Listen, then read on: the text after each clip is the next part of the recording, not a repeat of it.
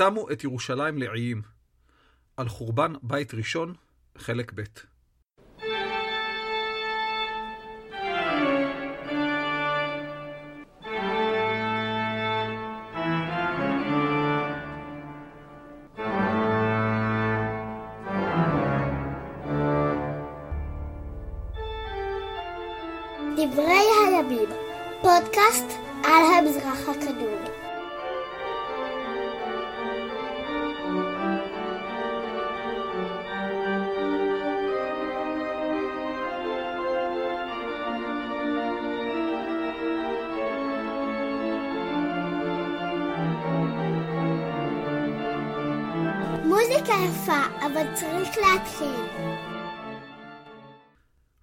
וברוכים הבאים לדברי הימים, פודקאסט על המזרח הקדום. שם הפרק, שמו את ירושלים לעיים, על חורבן בית ראשון, חלק ב'. א' באלול, שנת 2746, לתחילת שלטונו של נבו מוקינזרי על בבל. אני, דוקטור אילן אבקסיס. אגב, שלטונו נמשך שנתיים, עד שתגלת פלעשר השלישי העיף אותו לכל הרוחות. בפרק הקודם דיברנו על התהליכים והמאורעות שהובילו לאט אבל בטוח לכיבוש הבבלי של המרחב הסורי-ארץ ישראלי, ועל כך שלמרות שצדקיהו ראה את עוצמת הבבלים, ולמרות שהוא מלך בחסות הבבלים, ולמרות שהוא כרת ברית עם נבוכדנצר, הוא החליט למרוד בכל זאת. בספר ירמיה יש ידיעה מעניינת, לפיה צדקיהו כבר בשנה הרביעית למולכו, זמם אי אלו מזימות, כפי הנראה על רקע אי שקט פנימי בבבל. צדקיהו הוזמן לבירור ידידותי בבבל, והצליח לשכנע את נבוכדנצר כי לא היו דברים מעולם. ציטוט: הדבר אשר ציווה ירמיהו הנביא את שריה בן נריה בן מחסיה בלכתו את צדקיהו, עם צדקיהו הכוונה, מלך יהודה בבל, בשנת הרביעית למולכו, ושריה שר מנוחה. סוף ציטוט. חלפו חמש שנים, וצדקיהו, למרות מרד אחיו יהויקים, ולמרות גלות יהויכין, ולמרות שהוציאו לו כרטיס צהוב בבבל, מרד בכל זאת. ציטוט: וימרוד צדקיהו במלך בבל. סוף ציטוט. מלך בבל הוא נבוכדנצר השני, בנו של נבו פלעשר, גיבור הפרק הקודם. נבוכדנצר, באכדית נבו קודורי אוצור, כלומר נבו, שהוא אל החוכמה, את היורש שמור. התעתיק הנכון לשמו הוא נבוכדרצר, כמופיע בספרי ירמיה ויחזקאל. אבל חילופי למנר, האותיות ל', מ', נ' ור', הן תופעה ידועה. וכך נבוכדרצר הפך גם לנבוכדנצר. למרבה צערנו, הכרוניקה הבבלית המתייחסת לשנים אלו לא התגלתה, ועל כן אין לנו על מי להישען, אלא על המקרא. המלכת צדקיהו והברית עם נבוכדנצר נרמזות במשל שני הנשרים בספר יחזקאל, ונאמרות במפורש בנמשל, אותו הזכרנו בפרק הקודם. צדקיהו אמנם מרד, אבל הוא לא היה טיפש עד כדי כך. הוא הבין שללכת לבד מול בבל זה כמו הפועל מרמורק נגד ברצלונה. אז הוא היה חלק מקואליציה אזורית שמרדה בבבל בתמיכת מצרים. כמה רמזים פזורים במקרא בנוגע לקואליציה זו. ציטוט: בראשית ממלכת יהויקים בן יאשיהו מלך יהודה. טעות, מדובר בצדקיהו, כמו שנכתב בהמשך. ונמשיך. היה הדבר הזה אל ירמיה, מת אדוני לאמור. כה אמר אדוני אלי, עשה לך מוסרות ומוטות, ונתתם על צוואריך, ושילחתם אל מלך אדום, ואל מלך מואב, ואל מלך בני עמון, ואל מלך צור, ואל מלך צידון, ביד מלאכים הבאים ירושלים, אל צדקיהו מלך יהודה. סוף ציטוט. העובדה שפגישת הפסגה התרחשה בירושלים, יכולה לרמוז כי צדקיהו היה ראש הקנוניה, שירושלים, בשל מיקומה הגיאוגרפי המרכזי, בין ערי צור וצידון לבין ממלכות עבר הירדן, הייתה מקום טבעי להתכנסות מסוג זה. כמו כן, נרמזת קואליציה אנטי-בבלית זו גם במגילת איכה. ציטוט: איכה ישבה בדד העיר רבתי, דילגתי קצת, בכה תבכה בלילה, ודמעתה על לחייה אין לה מנחם. מכל אוהביה, כל רעיה בגדו בה.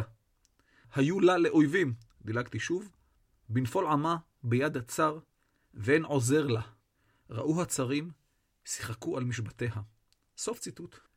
קטע מעניין בספר יחזקאל רומז על חשיבות ירושלים בעיני הבבלים כמוקד המרד.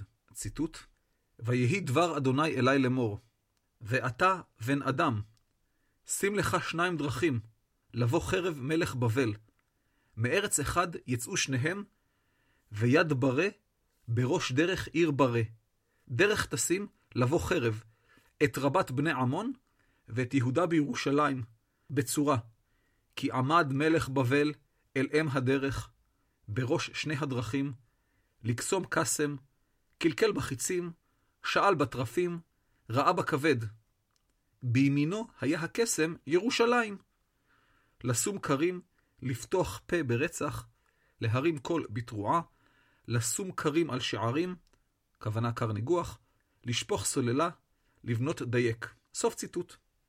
מלך בבל עמד בצומת מרכזי, הן צומת דרכים והן צומת החלטות, והתלבט על מי לעלות קודם, על רבת בני עמון או על ירושלים. היות ולתפיסת נבוכדנצר זו נבלה וזו טרפה, הוא נעזר באמצעים מכניים לצורך ניבוי העתיד. כמו בימינו, קלפי טארות, קריאה בקפה, בכף היד, או בצהוב של האוזן. יש פה שלושה ביטויים מעניינים. אחד הוא קלקל בחיצים, השני הוא שאל בתרפים, והשלישי הוא ראה בכבד. קלקל בחיצים הוא, ככל הנראה, חיזוי העתיד באמצעות ירי חיצים ומעקב אחרי מסלול תעופתם ו/או מקום נחיתתם. היו אנשים שהתמחו בפענוח בליסטיקה של חיצים וידעו לנבא את העתיד.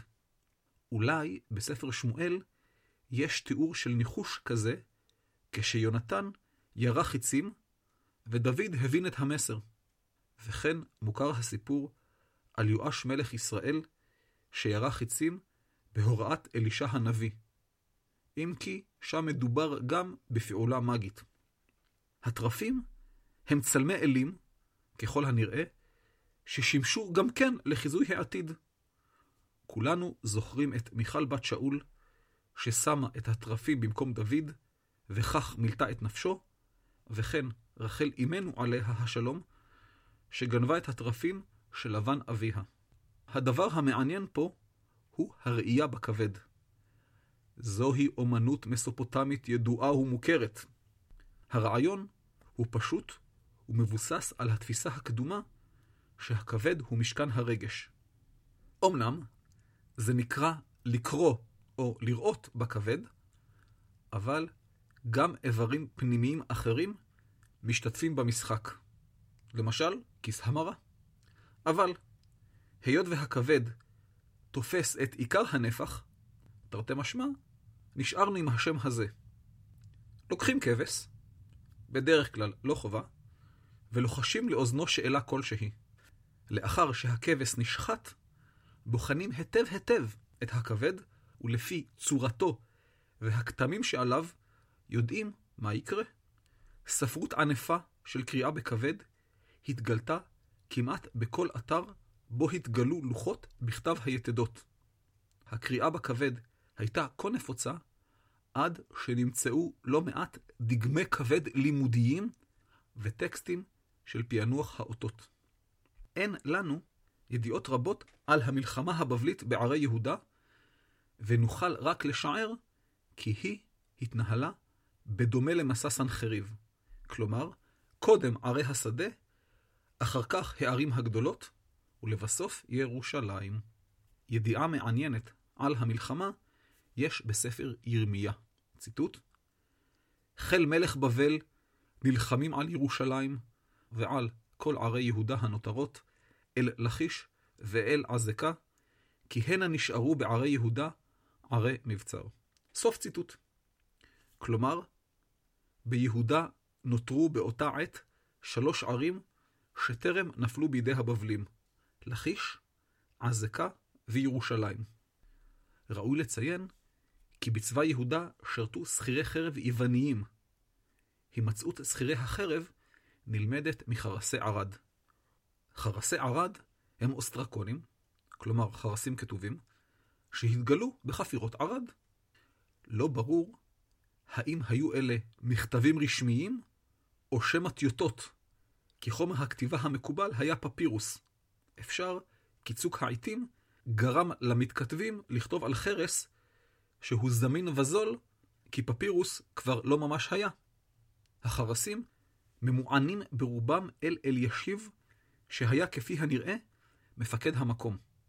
באחד המכתבים מצווה אלישיב לתת לקיטיים שכירי חרב מקיטיון, המזוהה עם לרנקה שבקפריסין, אספקה. כפי הנראה, אלישיב לא נתן את האספקה המבוקשת, וצווה לספק את המצרכים עד למחרת היום. ככה זה אפסנאים, אף פעם אין להם. ציטוט: אל אלישיב, ועתה, נתון לקיטיים בת אחת, סביב 25 ליטר, שתיים יין, כנראה מדובר על הין, כלומר עשרה ליטר, לארבעת הימים, 300 לחם, ומלוא החומר, עוד מידה, סביב 300 ליטר, יין, והסיבותה מחר, אל תאחר, ואם עוד חומץ, ונתת להם. סוף ציטוט. ומכתב נוסף, ציטוט, אל אל ישיב, ועתה, נתון לקיטיים, יין, בת אחד, השלמה המקובלת, הין, שלושה, וכתוב שם היום, ומעוד הקמח הראשון תרכיב, אחד קמח, לעשות להם לחם. מיין האגנות תיתן. סוף ציטוט.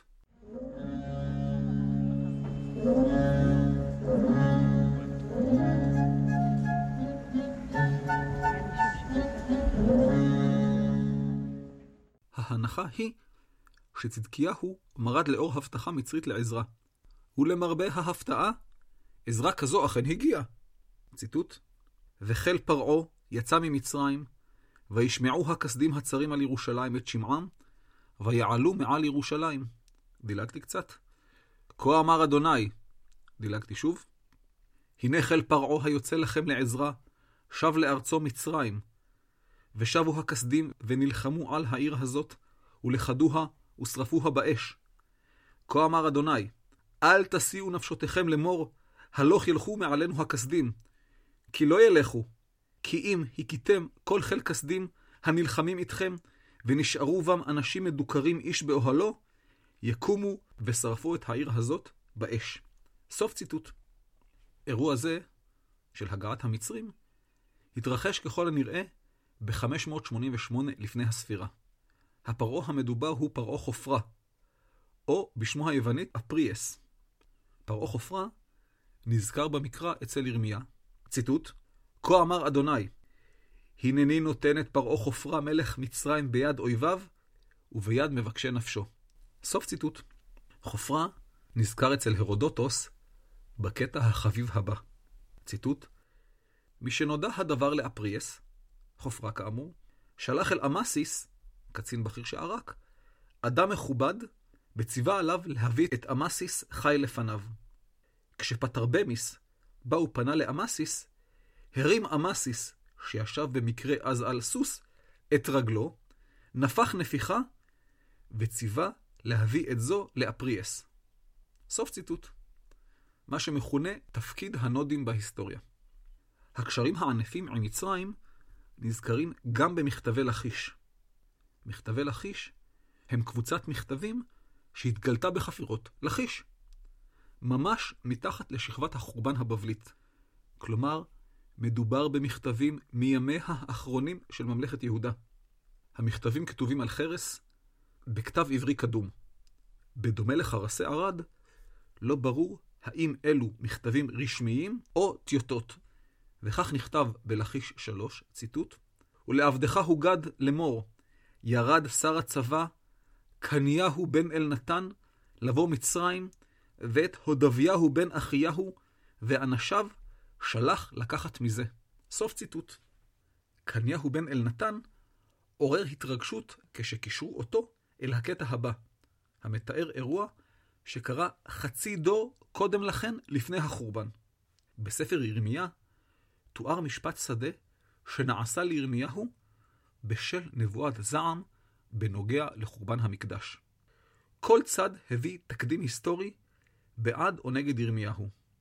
והנה הנגד, ציטוט, וגם איש היה מתנבא בשם אדוני, אוריהו בן שמעיהו, דילגתי קצת, וינבא על העיר הזאת ועל הארץ הזאת ככל דברי ירמיהו, נבואת זעם, וישמע המלך יהויקים, דילגתי שוב, ויבקש המלך המיתו, וישמע אוריהו, ויירא, ויברח, ויבוא מצרים, וישלח המלך יהויקים אנשים מצרים, את אלנתן בן אחבור, ואנשים איתו אל מצרים. דילגתי שוב, והביאוהו אל המלך יהויקים, ויכהו בחרב. סוף ציטוט. אפשר שאלנתן בן אחבור הוא אביו של קניהו בן אלנתן. במכתבי לכיש מצטיירת גם העובדה כי לא כולם ביהודה תמכו במרד הזה, וכי הייתה אופוזיציה פעילה. ציטוט: והנה דבר השרים, לא טובים לרפות ידיך ולהשקיט ידי האנשים. סוף ציטוט. וזה כמובן מזכיר את המסופר על ירמיהו. ציטוט: ויאמרו השרים אל המלך, יומת נא האיש הזה, כלומר ירמיהו, כי על כן הוא מרפא, כתוב באלף, אבל הכוונה היא בה', את ידי אנשי המלחמה הנשארים בעיר הזאת, ואת ידי כל העם לדבר עליהם כדברים האלה. כי האיש הזה איננו דורש לשלום לעם הזה, כי אם לרעה. סוף ציטוט.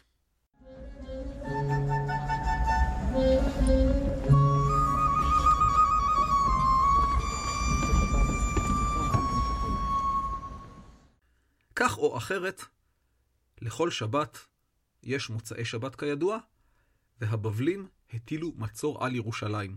ציטוט: ויהי בשנת התשיעית למולכו, בחודש העשירי, בעשור לחודש, בא נבוכדנצר מלך בבל, הוא וכל חילו, על ירושלים, ויחן עליה, ויבנו עליה דייק סביב, ותבוא העיר במצור עד עשתי עשרה שנה למלך צדקיהו, בתשעה לחודש, ויחזק הרעב בעיר, ולא היה לחם לעם הארץ, ותיבקע העיר.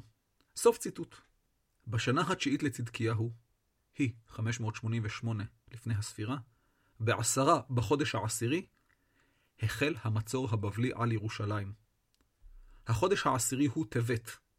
השנה מתחילה בניסן כזכור, וי' בטבת נקבע כיום צום.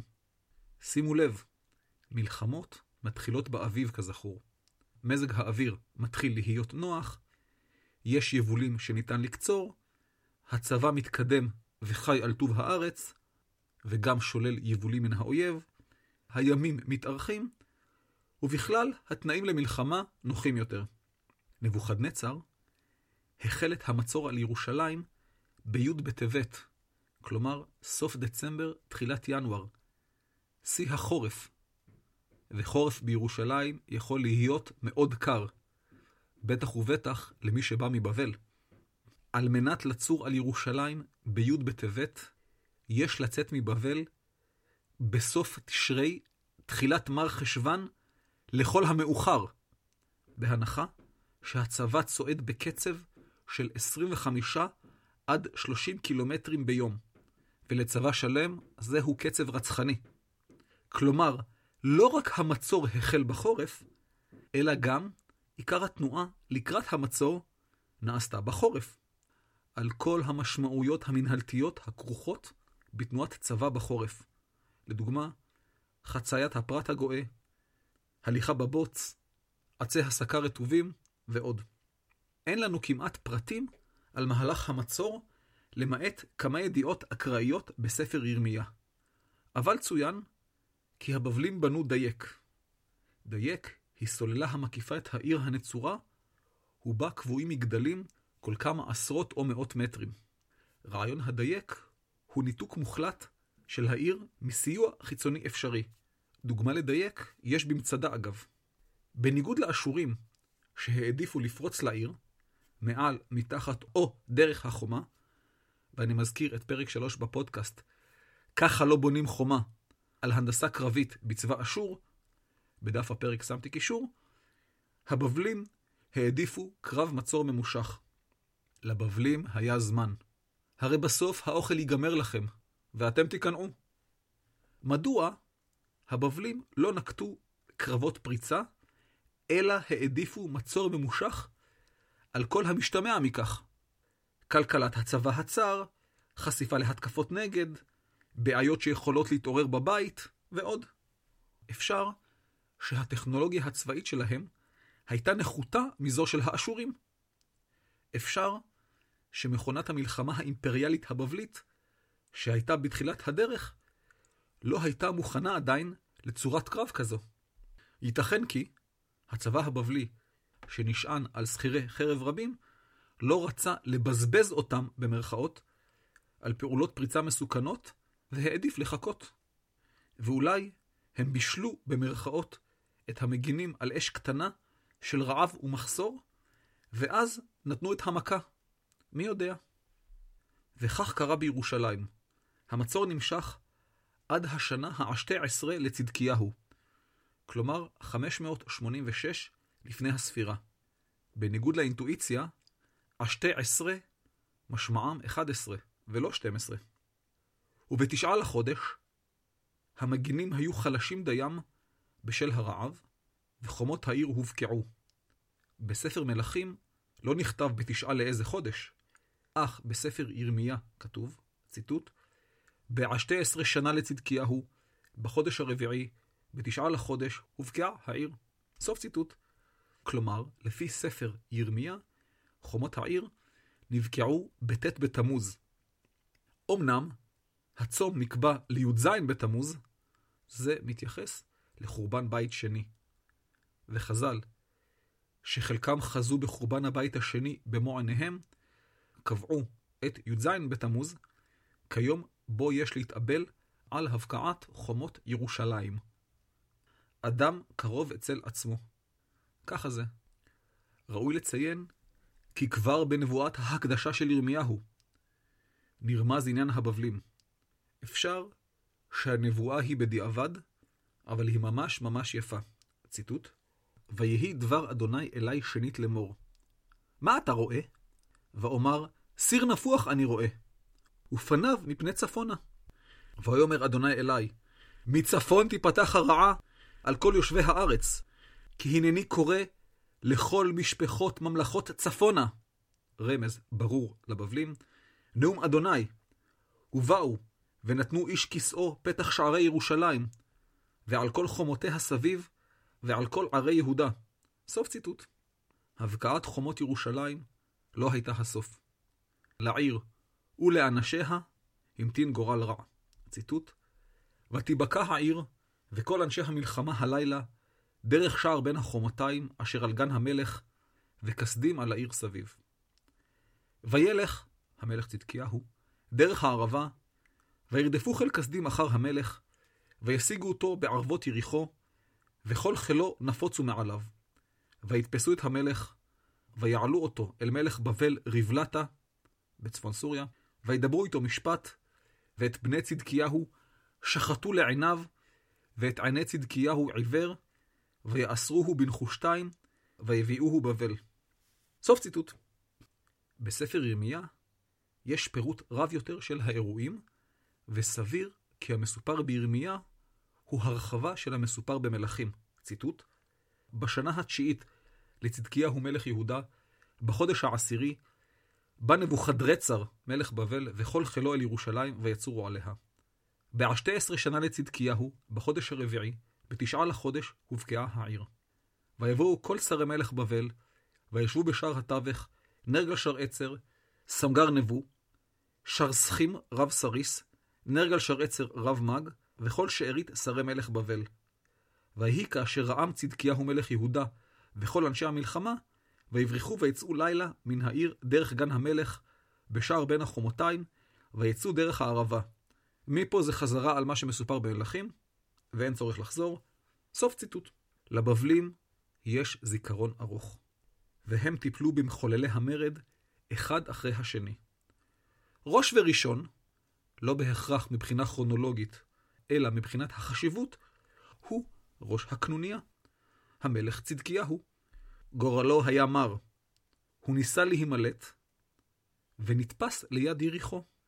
אל נכון, הוא ברח לכיוון בעלי בריתו בעבר הירדן.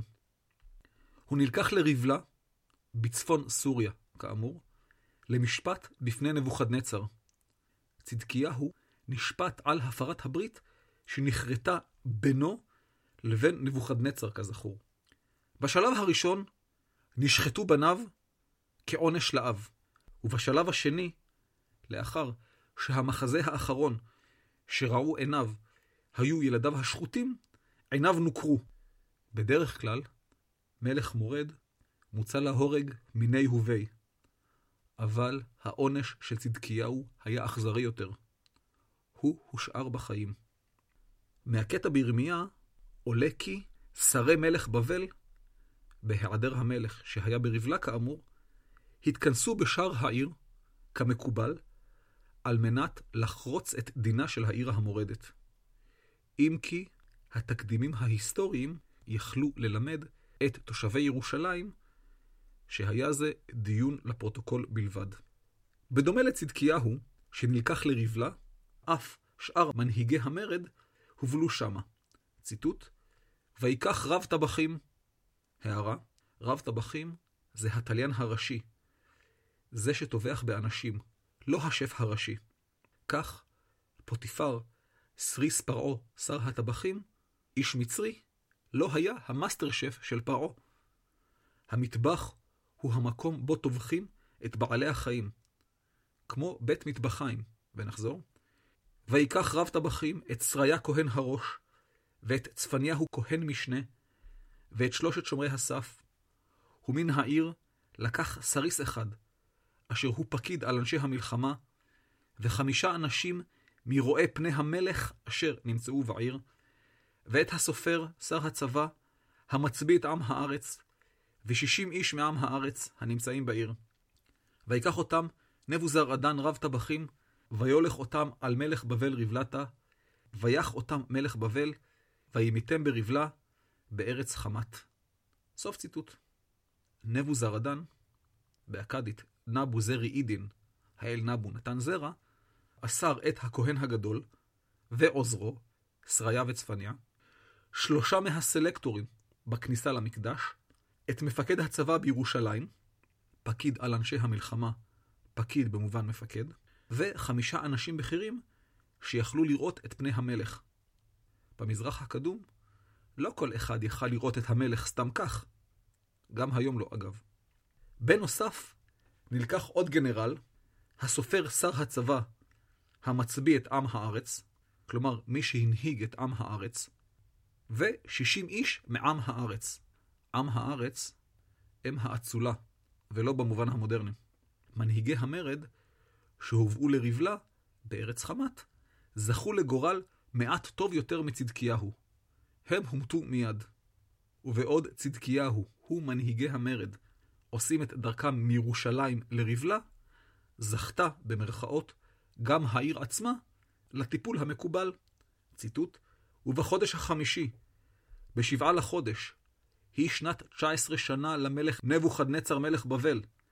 בא נבוזר עדן רב טבחים, עבד מלך בבל, ירושלים, וישרוף את בית אדוני, ואת בית המלך, ואת כל בתי ירושלים, ואת כל בית גדול שרף באש, ואת חומות ירושלים סביב, נצו כל חיל כסדים, אשר רב טבחים. סוף ציטוט. נבוזרדן שרף את בית המקדש, ארמון המלך, ארמונות האצולה, בית גדול, ושאר בתי ירושלים. את חומת ירושלים הבבלים נצו והחריבו. אותה חומה שבעוד 130 שנה בערך ישקם נחמיה. רעיון הניתוץ ברור. זאת על מנת שאף קבוצת מורדים שאולי הצליחה להימלט, לא תוכל להשתמש שוב בחומות העיר.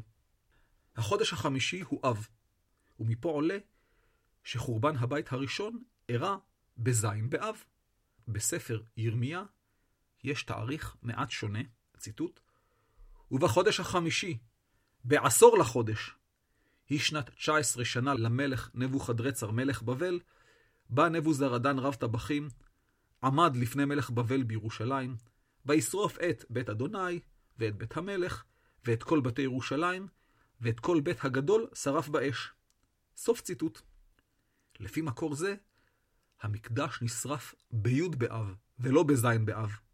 חז"ל תרצו את הסתירה בין התאריכים בכך שבז' באב התחילו, ובי' באב גמרו. התאריך תשעה באב מתייחס לחורבן הבית השני, והוא גם סוג של פשרה בין ז' לי' באב. אבל לפני השרפה דאגו הבבלים לשלול את השלל כמקובל.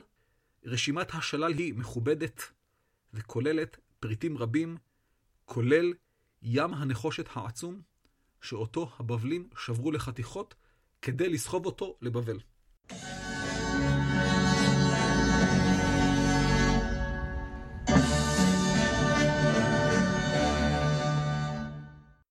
חורבן ירושלים היה שלם. יחד איתו חרבו חלקים גדולים מארץ יהודה, למעט היישובים בארץ בנימין שמצפון לירושלים.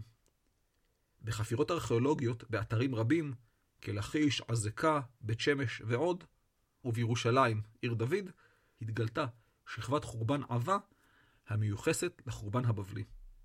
השרפה העזה, שנגרמה על ידי הבבלים, הניבה כמה הפתעות מרגשות. בחפירות עיר דוד התגלו מספר בולות, כלומר שבשל החום העז נצרפו והפכו לאבן. בולה היא פיסת טין, באמצעותה נהגו לחתום מכתב.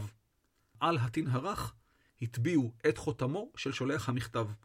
כך יכל מקבל המכתב לדעת האם המכתב נפתח ונקרא, אם לאו, מה שקרוי בלועזית פלומבה. על הבולות התגלו מספר שמות, וביניהם כמה אנשים שככל הנראה נזכרים במקרא בספר ירמיה. בולה אחת מכילה את הכיתוב לסריהו, כלומר של סריהו, נריהו. המילה בן נשמטה.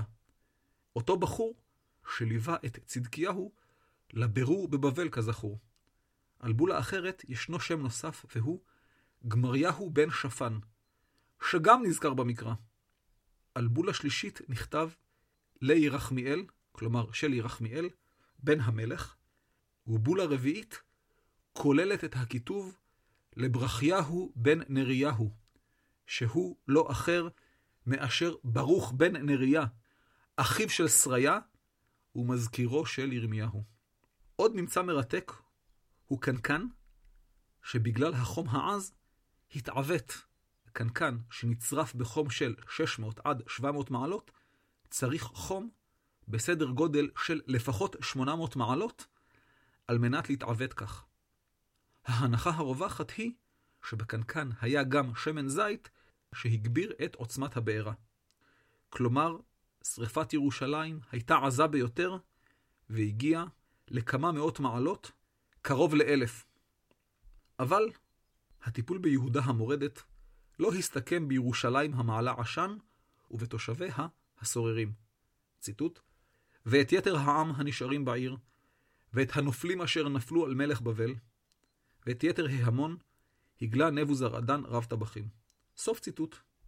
נבוזרדן הגלה את שאר העם, לכאורה, וגם את הנופלים, כלומר העריקים, אלה שנפלו במרכאות על מלך בבל. בלשון המקרא, ליפול על מישהו, הכוונה לערוק. ההגליה נועדה לכמה מטרות.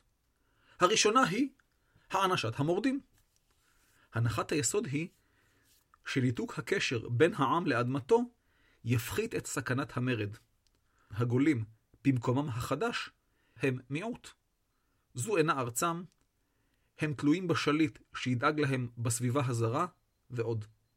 המטרה השנייה של הבבלים הייתה לשקם את ארץ בבל עצמה, שנפגעה קשות במהלך העימותים האשורים בבליים. בבל הייתה ארץ פוריה שסבלה מתת אכלוס. תת אכלוס משמעו פחות מיסים. על כן הבבלים לקחו גולים מרחבי האימפריה והושיבו אותם אצלם בבבל. עורכי המקרא יצרו רושם מכוון, אך מטעה, כאילו כל ארץ יהודה התרוקנה מיושביה, וכי האנשים ששבי ציון פגשו פה אינם מזרע ישראל. זה קשור למהפך הרעיוני שעברו גולי בבל. הם ראו בעצמם את החוטאים שטוהרו בכור המצרף של הגלות, וכי הם הם זרע הקודש האמיתי.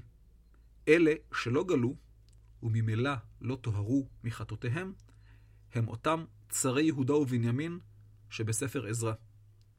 עדויות ארכיאולוגיות מלמדות שרוב האנשים נשארו על אדמתם, ורק כמה אלפי או עשרות אלפי אנשים גלו.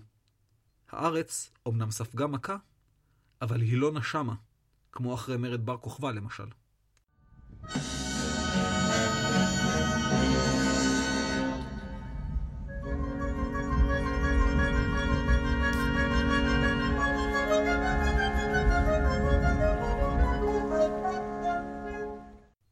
עדות להשארת אנשים יש בסיפור רצח גדליה. אמנם שם האנשים שהיו עמו ירדו מצרימה בסופו של דבר, אבל מלבד המצפה, הנזכרת בסיפורי גדליה, היו עוד מקומות. ציטוט: והעם הנשאר בארץ יהודה, אשר השאיר נבוכדנצר מלך בבל, ויפקד עליהם את גדליהו בן אחיקם בן שפן. וישמעו כל שרי החיילים, המה והאנשים, כי הפקיד מלך בבל את גדליהו, ויבואו אל גדליהו המצפה. וישמעאל בן נתניה, ויוחנן בן קרח, ושריה בן תנחומת הנטופתי, ויעזיניהו בן המעכתי, המה ואנשיהם, וישבע להם גדליהו ולאנשיהם, ויאמר להם, אל תראו מעבדי הכסדים, שבו בארץ, ועבדו את מלך בבל, וייטב לכם.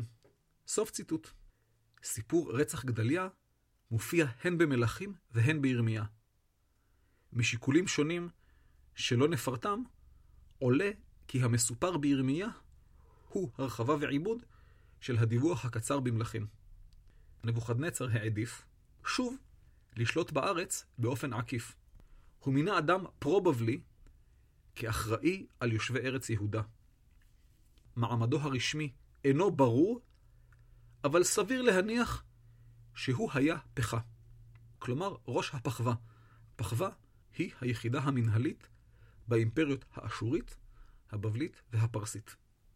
גדליה קבע את מושבו בעיר מצפה, שמצפון לירושלים, בלב ארץ בנימין, אזור שתושביו לא מרדו או שמיהרו להיכנע, ועל כן האזור נותר שלם יחסית. מצפה מזוהה עם תל הנצבה שליד שדה התעופה עטרות, בין ירושלים לרמאללה. אם כי יש המזהים את מצפה דווקא עם נבי סמואל, ונרחיב בהמשך. גדליה הציע לאנשי יהודה שנותרו עסקה פשוטה. המשיכו בחייכם, העלו מיסים למלך בבל, ובסוגריים אציין שממילא הם היו מעלים מיסים למלך בבל או למלך יהודה, כך שזהות גובה המיסים לא ממש משנה, וייטב לכם. כלומר, יש אימפריה שלמה ששולטת, משכינה שקט, והחיים יכולים להמשיך הלאה. גדליה, האחראי מטעם הבבלים או הכסדים, עודד את אנשי יהודה הנותרים לאסוף את היבולים, קיץ הכוונה לפירות קיץ, כגון תאנים וענבים, ולהתיישב בבתים הנטושים.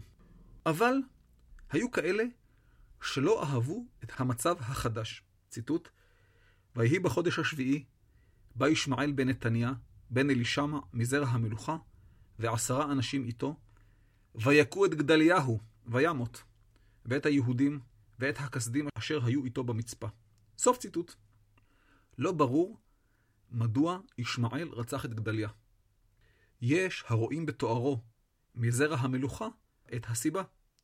כלומר, ישמעאל לא ראה בגדליה, שאינו מבית דוד, שליט לגיטימי.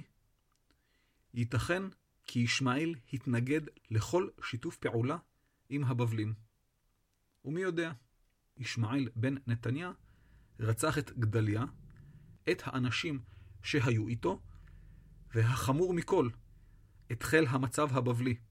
ישמעאל ידע שהוא לא מספיק חזק להתמודד עם הבבלים, אז הוא ברח. ציטוט: וישפ ישמעאל את כל שארית העם אשר במצפה, את בנות המלך ואת כל העם הנשארים במצפה, אשר הפקיד נבוזרדן רב טבחים, את גדליהו בן אחיקם, וישבם ישמעאל בן נתניה, וילך לעבור אל בני עמון.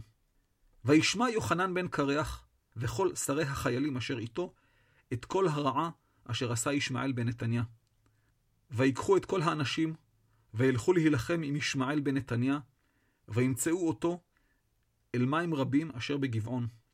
ויהי כראות כל העם אשר את ישמעאל, את יוחנן בן קרח, ואת כל שרי החיילים אשר איתו, וישמחו. ויסובו כל העם אשר שבה ישמעאל מן המצפה, וישובו וילכו אל יוחנן בן קרח. וישמעאל בן נתניה נמלט בשמונה אנשים מפני יוחנן, וילך אל בני עמון. סוף ציטוט. ישמעאל ניסה לברוח אל בני עמון, שמעורבותם ברצח נרמזה בשרבוב שמו של בעליס מלך בני עמון, כמה פסוקים קודם לכן. יוחנן בן קרח פתח במרדף, והשיג את ישמעאל ליד גבעון. גבעון מזוהה עם הכפר הערבי ג'יב, צפונה לנבי סמואל, ליד גבעת זאב. אם אכן מצפה מזוהה עם תל הנצבה, המצויה צפונית-מזרחית לגבעון, אין טעם לברוח לכיוון עמון, מזרחה, בהתקדמות לדרום מערב. אבל אם מצפה היא נבי סמואל, הדרך לעמון עוברת אכן בגבעון. כך או אחרת, תוצאת הרצח הייתה, ציטוט, ויקומו כל העם, מקטון ועד גדול, ושרי החיילים, ויבואו מצרים, כי יראו מפני חסדים. סוף ציטוט. כלומר, נוצר הרושם השגוי, כי אחרוני הנשארים בארץ יהודה ברחו מצרימה, וכי הארץ נותרה ריקה. לכן, שבי ציון לא יראו בנשארים בארץ את זרע ישראל ממש. תאריך הרצח אינו ברור. נכתב שזה היה בחודש השביעי. החודש השביעי, תשרי, ואזכור הסעודה החגיגית, גרמו לחז"ל לקבוע כי הרצח אירע במהלך סעודת ראש השנה, ועל כן יום הצום נקבע מיד למחרת ראש השנה, כלומר בג' בתשרי. ומיד נרחיב על הצום. שאלה אחרת היא השנה בה אירע הרצח. הדעות במחקר חלוקות. החל מכמה שבועות לאחר החורבן, מאב ועד תשרי, כלומר חודש ומשהו, ועד כמה שנים אחרי. אני סבור כי הרצח אירע כמה שנים אחרי חורבן הבית. קשה לקבל כי רצח גדליה, עם כל הצער שבדבר, היה מותיר רושם כזה עז, חודש וקצת, אחרי חורבן בית המקדש. אבל, כמה שנות שקט, ויהודה מתחילה להשתקם. בספר ירמיה, בסיפור הרצח, נזכרת פעילות פולחנית מסוימת בהר הבית לאחר החורבן. ציטוט: ויבואו אנשים משכם, משילו ומשומרון, שמונים איש, מגולחי זקן, וקרועי בגדים, ומתגודדים, ומנחה ולבונה בידם, להביא בית אדוני. סוף ציטוט. כלומר, גם ירושלים מתחילה להשתקם. ומי יודע, אולי הבבלים יאשרו להקים את המקדש, ויהודה תשוב להיות מדינה. לא עצמאית, אבל מדינה. ואז בא הרצח והרס את הכל. הזעזוע מהרצח הוא שקבע יום צום מיוחד. לא בגלל גדליה, שבינינו לבין עצמנו אינו נמנה על הדמויות המרכזיות במקרא, וזאת בלשון המעטה, אלא בגלל מה שהיה יכול להיות. בניית הבית השני נאלצה לחכות להצהרת כורש. תומכי התאריך המאוחר קושרים לרצח ידיעה נוספת בספר ירמיה. ציטוט: בשנת שלוש ועשרים לנבוכדרצר, הגלה נבוזרדן רב טבחים יהודים נפש 745, כל נפש 4,600. סוף ציטוט. מסיבה לא ברורה, הבבלים הגלו ארבע שנים אחרי החורבן עוד 745 איש, שמצטרפים בסך הכל ל-4,600, יחד עם גולים אחרים. מה קרה שהבבלים נזכרו לפתע להגלות עוד כמה מאות אנשים? כפי הנראה, הייתה זו תוצאה של רצח גדליה. במידה מסוימת, רצח גדליה הוא מרד בר כוכבא של ימי הבית הראשון.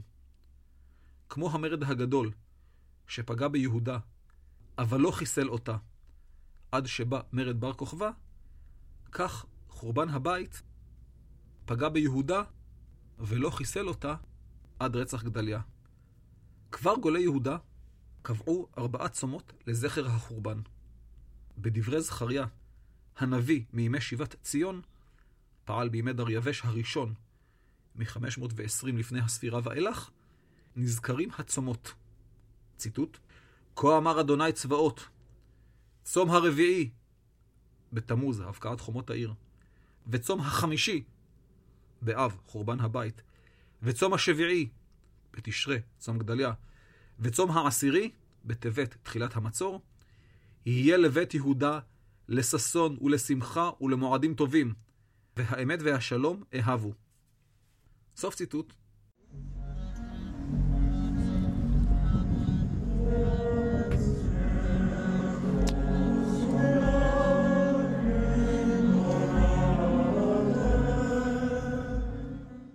עניין אחר הוא התגובות לחורבן.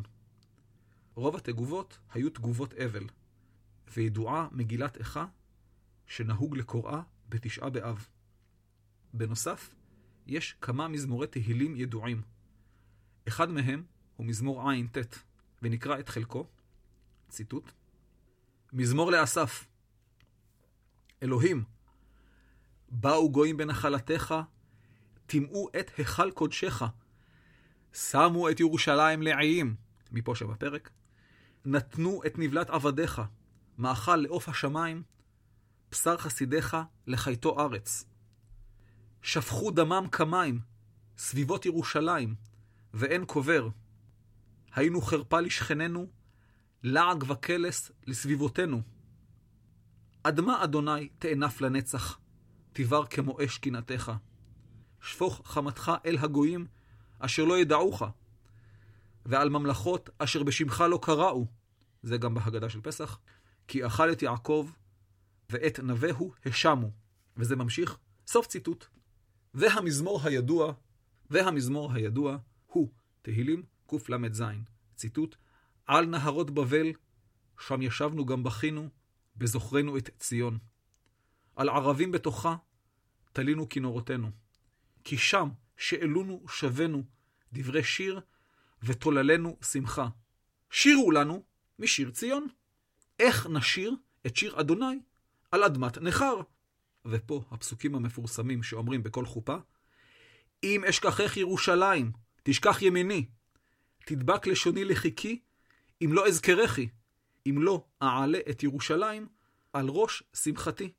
זכור אדוני לבני אדום את יום ירושלים, במקרה הזה חורבן ירושלים. האומרים, ערו ערו, עד היסוד בה. בת בבל השדודה, אשרי שישלם לך את גמולך שגמלת לנו. אשרי שיוחז וניפץ את עוללייך אל הסלע. סוף ציטוט.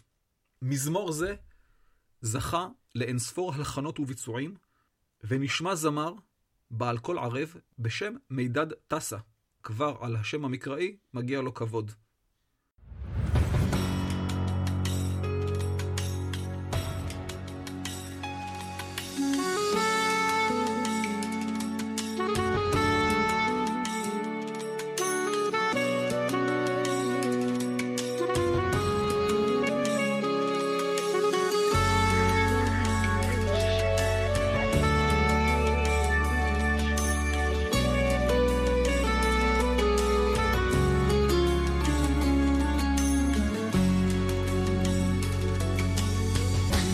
בבל, שם ישבנו גם בכינו בזוכרנו את ציון, על ערבים בתוכה, תלינו כינורותינו, כי שם שאלונו שובנו, דברי שיר ותוללנו שמחה. שירו לנו משיר ציון, איך נשיר את שיר השם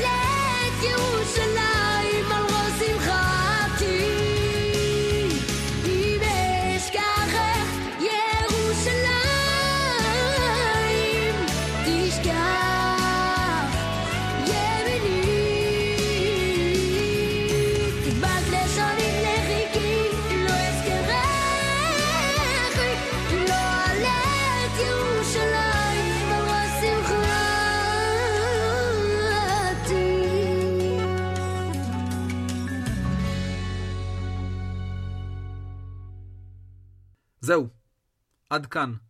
שמו את ירושלים לעיים על חורבן בית ראשון, חלק ב'. תודה לכם שהאזנתם.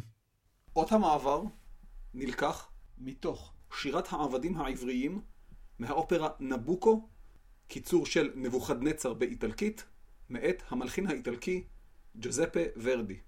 תודה צדיק. במהלך הכנת הפרק נעזרתי בספרו של שמואל אחיטוב, אסופת כתובות עבריות. תודה. הדואל הוא אילן כרוכית ilanabc.co.il גם רשימת התפוצה וטופס צור קשר ממתינים לכם באתר.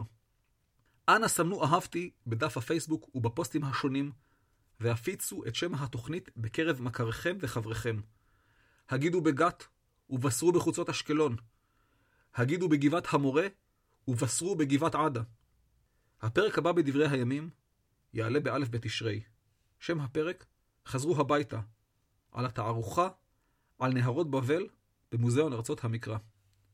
הפרק הבא בדבר היום יעלה בט"ו באלול. שם הפרק גדולה, שחורה ולא רלוונטית. על מצבת חמורבי. פרק זה הוא הקלטה מחודשת של הפרק המקורי. אני רוצה להודות לחברי מועצת החכמים, אבי הרטמן, דנה שטיר וחיים ארמון, שעזרו לי ליצור פרק קצר ולעניין. להתראות.